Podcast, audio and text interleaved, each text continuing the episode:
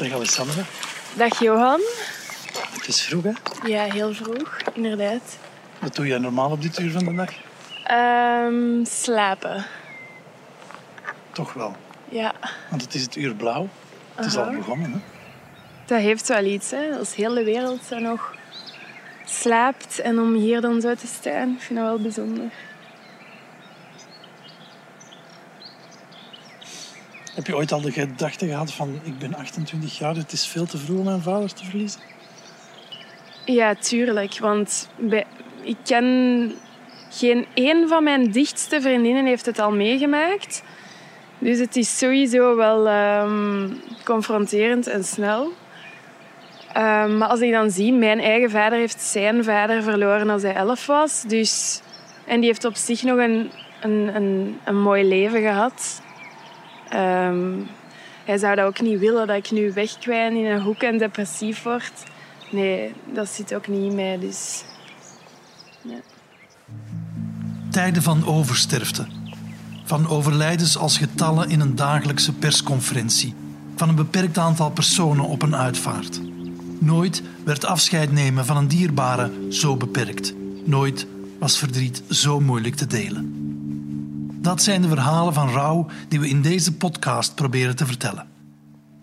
Vroeg in de ochtend, nog voor zonsopgang, praat ik met mensen die woorden proberen te geven aan het verlies.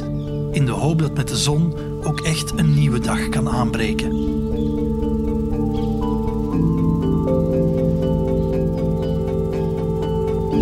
Fotografe Alessandra Ruiten is 28 jaar en verloor op 17 april haar vader die door het coronavirus werd besmet. Ze kon hem een laatste groet brengen toen hij palliatieve zorgen kreeg. Op social media deelde ze een foto van hoe ze helemaal ingepakt en gemaskerd zijn hand vasthoudt. Ze vertelt haar verhaal langs de oever van de Schelde.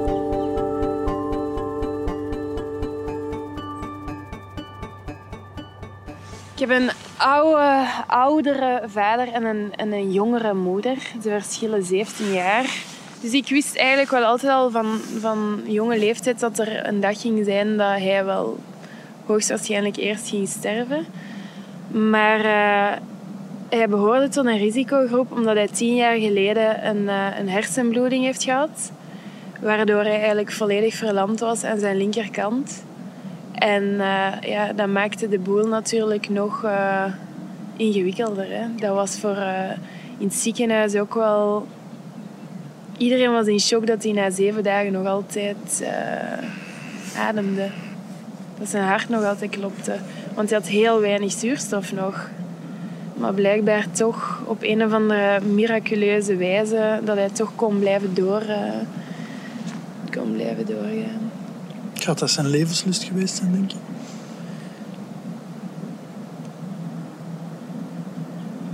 En de liefde voor ons, denk ik. Een combinatie van die twee, ja. Maar zeker ook de liefde dat hij had voor zijn kinderen.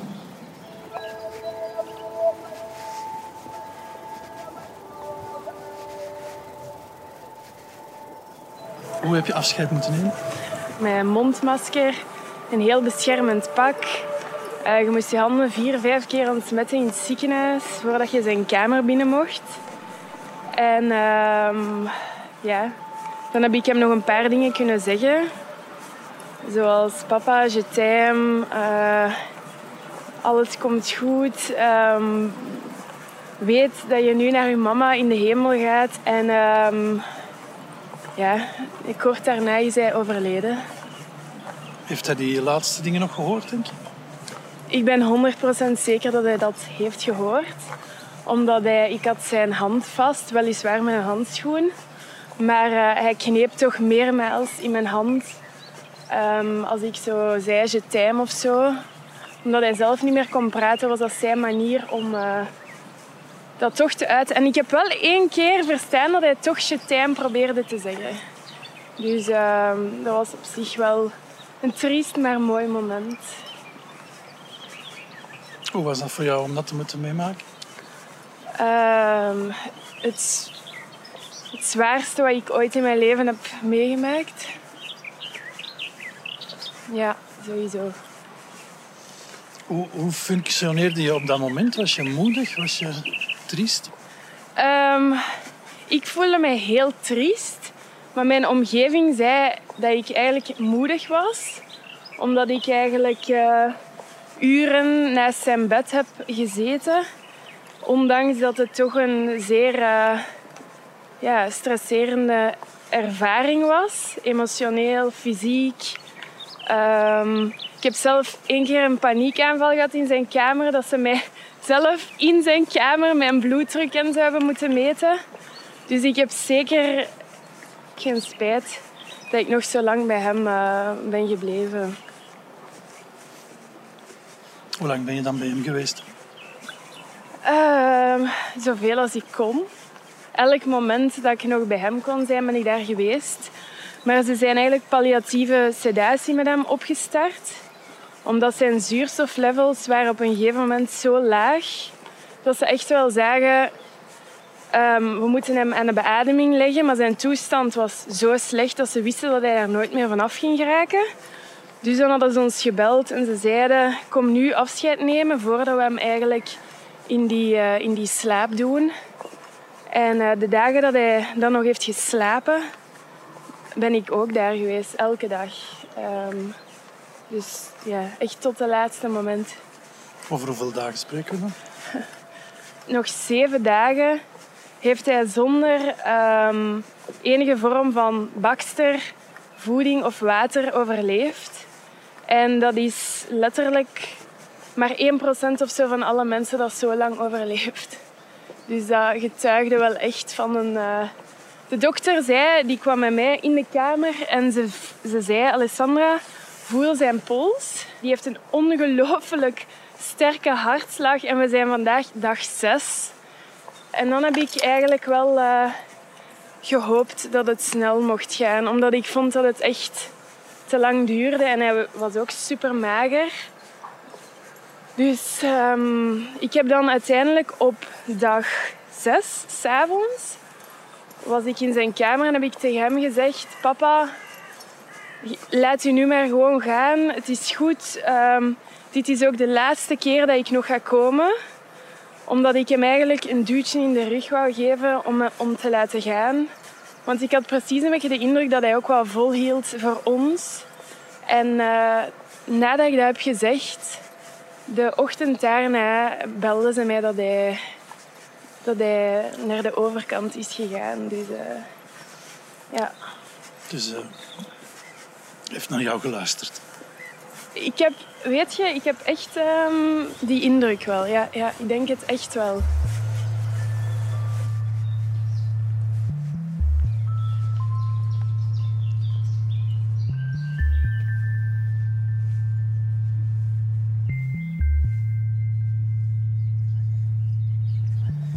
Die eerste dagen waren eigenlijk um, redelijk hard in een soort van waas omdat ik ook... Uh, ja, iedereen belt u. Iedereen uh, stuurt u lieve berichtjes. Ik heb honderden berichtjes, kaartjes, telefoongesprekken gedaan. Op den duur voelde ik mij een beetje een callcenter. Zo. Dat was de ene en de ander. Maar op zich heeft mij dat wel heel veel troost geboden. Want die eerste dagen waren sowieso het moeilijkst. Maar op die moment werd ik zo overweldigd door alle lieve steun dat ik kreeg. Waardoor dat die eerste dagen... Ja, ik ben er eigenlijk doorgetrokken door de goedheid van, van andere mensen gewoon. En dat was uh, heel mooi om te zien. Zeker in deze tijd voel ik dat iedereen zo solidair met elkaar is. En echt met elkaar op een heel diep niveau meeleeft. En dat heeft mij veel, uh, veel troost geboden, sowieso. Ik heb er natuurlijk af en toe, was ik ook een beetje, had ik er even genoeg van. En zette ik eventjes mijn gsm op vliegtuigmodus. En ging ik gewoon wat, ja, gewoon wat op mijn zetel zitten en wat nadenken. En gewoon wat rust nemen. Hè. Ik denk dat je lichaam op dat moment ook gewoon heel veel rust nodig heeft. En uh, ik denk dat ik dat wel goed heb gedaan, denk ik. Dat ik toch wel op tijd heb gezegd van nu moet ik even alleen zijn en uh, alleen met mijn gedachten. Zo'n dingen moet je uiteindelijk alleen, uh, ook wel voor een groot stuk alleen verwerken. Hè. Het is een beetje dubbel. Hè? Eigenlijk heb je heel hard die omgeving nodig, de mm eerste dagen. Ja. En toch moet je het alleen doen. Ja. Ja, ja, ja, ja. ja zo voel ik het toch. Ja. Waar is jouw papa dan nu op dit moment? Goh, ik hoop voor hem dat hij in de hemel is. Mijn vader was de laatste jaren van zijn leven enorm gelovig.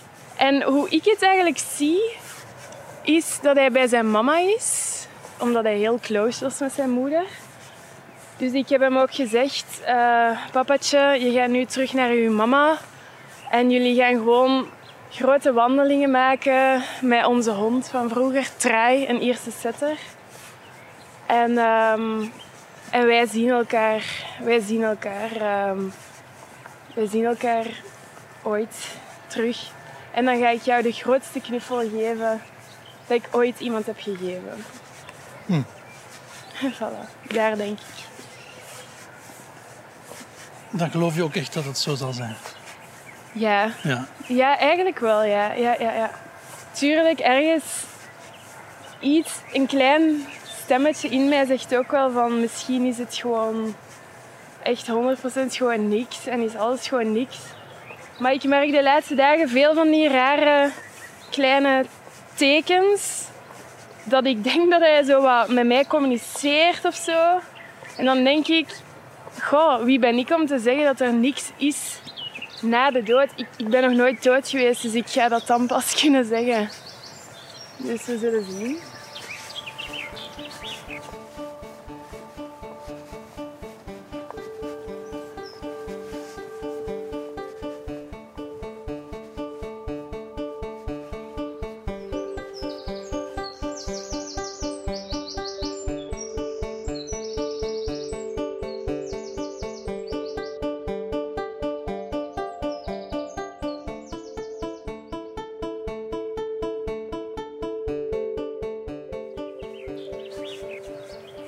Ik was gisteren aan het, aan het praten met een, met een, uh, een kennis.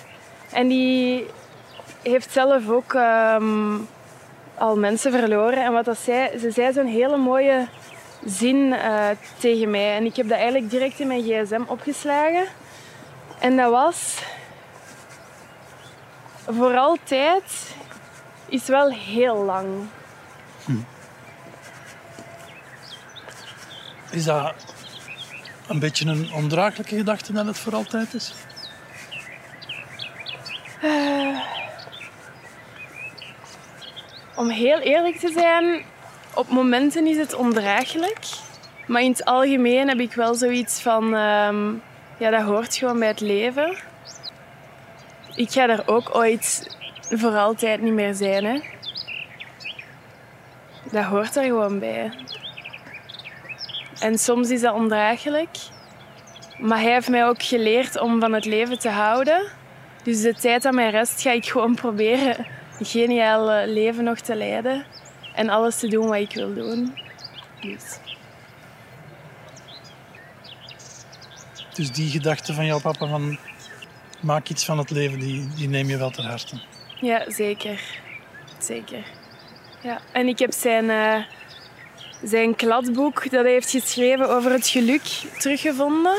En uh, daar staan heel veel wijze dingen in. Dus dat ga ik ook voor de rest van mijn leven koesteren. Dus hij heeft letterlijk een schriftje of een, of een, of een, of een boekje waarin hij ja. dingen opschreef over het geluk. Dus dat is een boek dat ik hem ooit heb gekocht. Het is een, uh, een leeg boek. En uh, ik had er zelf voor hem al de titel in geschreven, Het Geluk, door Jean-Michel Ruiten. En dan heeft hij eigenlijk, um, ja, is hij zelf gewoon beginnen schrijven. Heb jij hem een beetje aangezet om dat te doen? Ja, omdat hij daar altijd over sprak, maar hij deed dat nooit. dus ik heb gewoon gezegd, hier papa, go for it. En ik heb hem eigenlijk altijd blijven motiveren om... Uh, ja, ik, ik vind ook de dingen die hij heeft geschreven zeer, zeer, uh, zeer mooi. Wat dat erin staat. Sowieso. Ja. begint ineens al licht te worden. Ja, we kunnen elkaar zien. ja, inderdaad. Ginder gaat de zon opgaan, denk ik. Ja.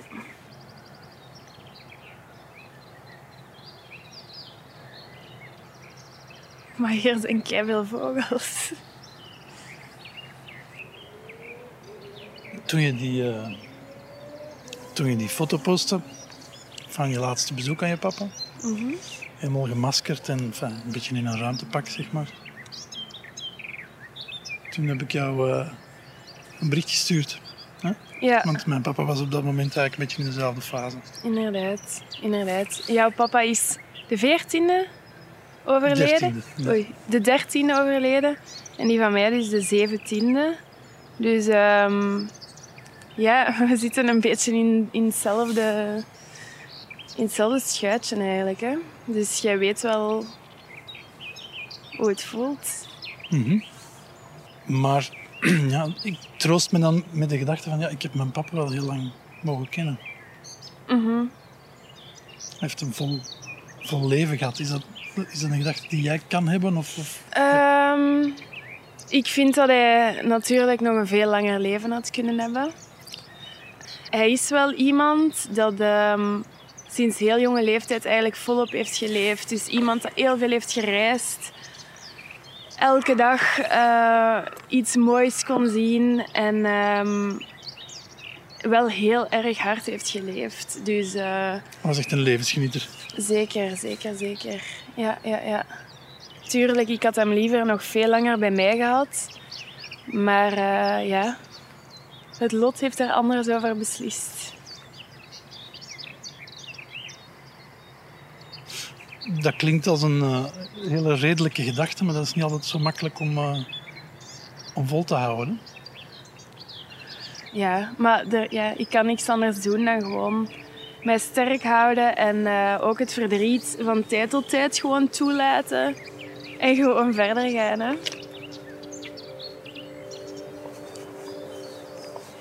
Na die eerste dagen in, in, in een waas, ben je dan anders beginnen rouwen? Um, ik focus mij gewoon heel hard nu op mezelf en op wat dat mij gelukkig maakt. Omdat ik gewoon weet dat hij dat zou willen.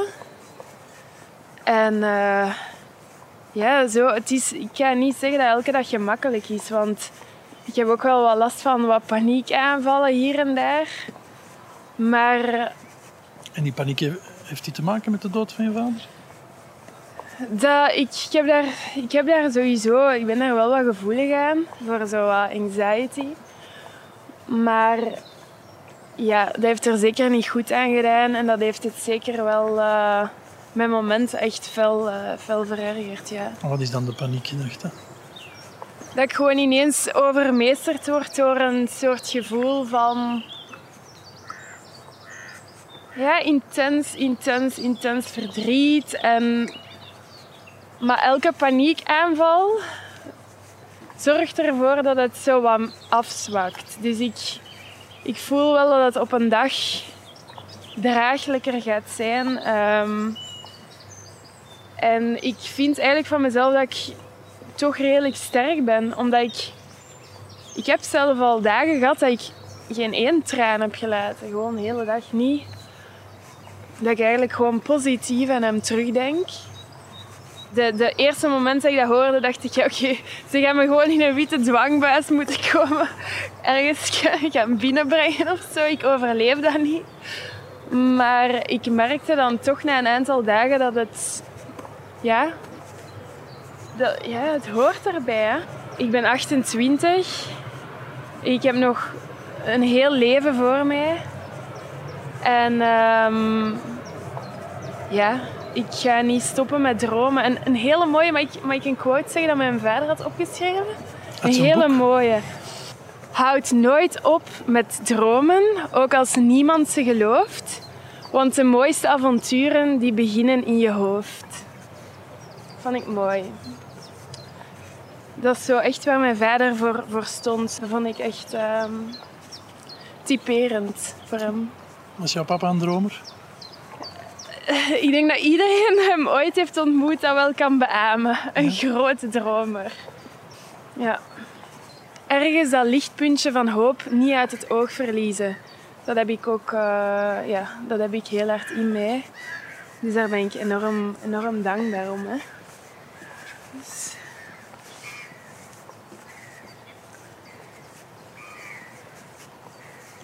Heb je ook soms dat gevoel dat de kracht van je vader in jou is komen te zitten?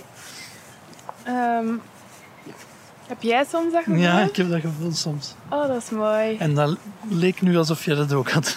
Ja, maar dat is ook zo.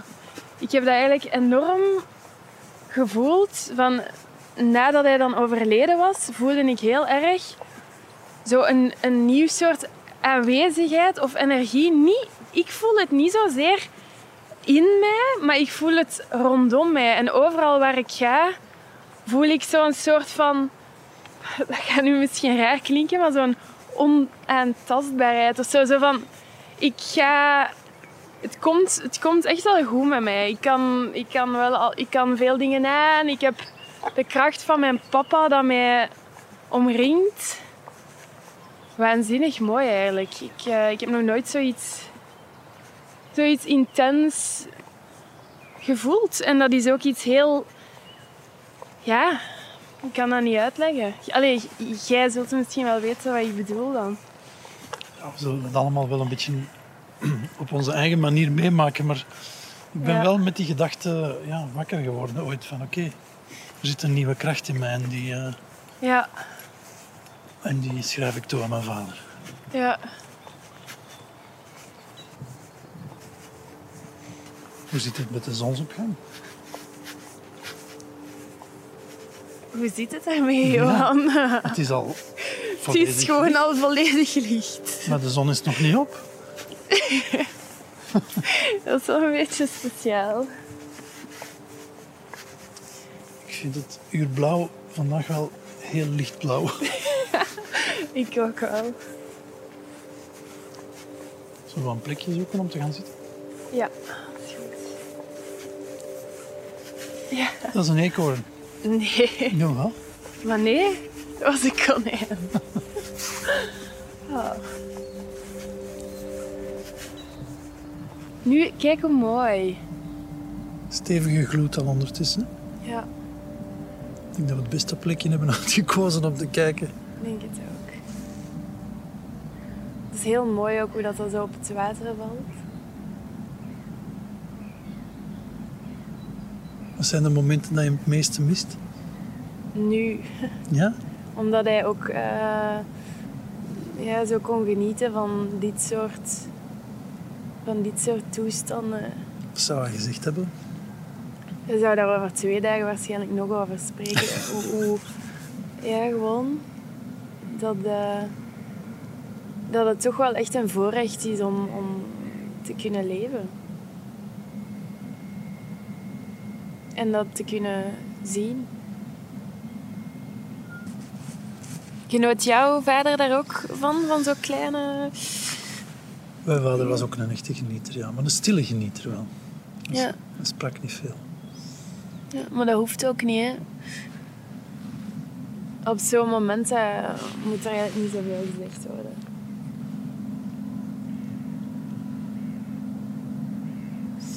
Als je papa hier nu bij zou zijn, wat zou hij zeggen? Hij zou zeggen...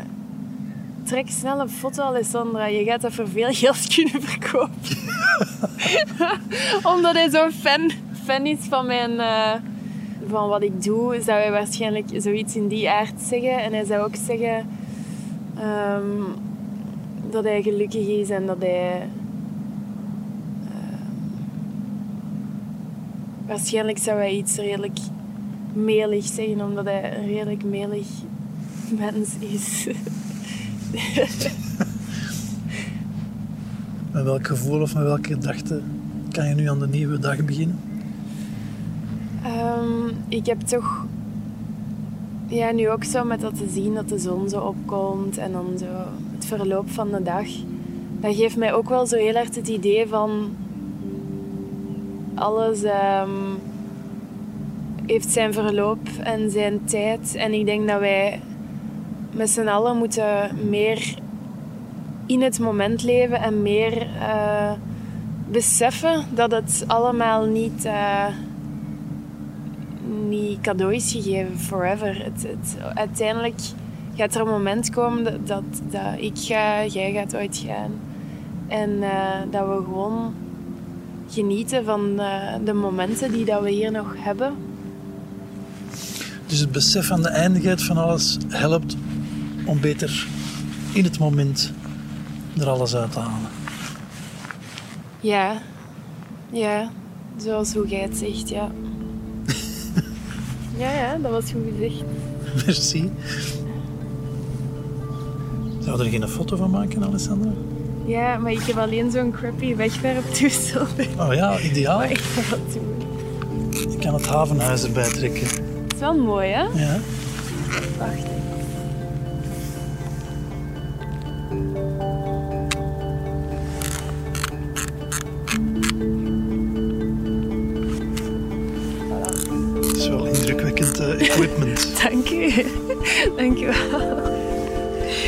Papa zou trots zijn. Ja.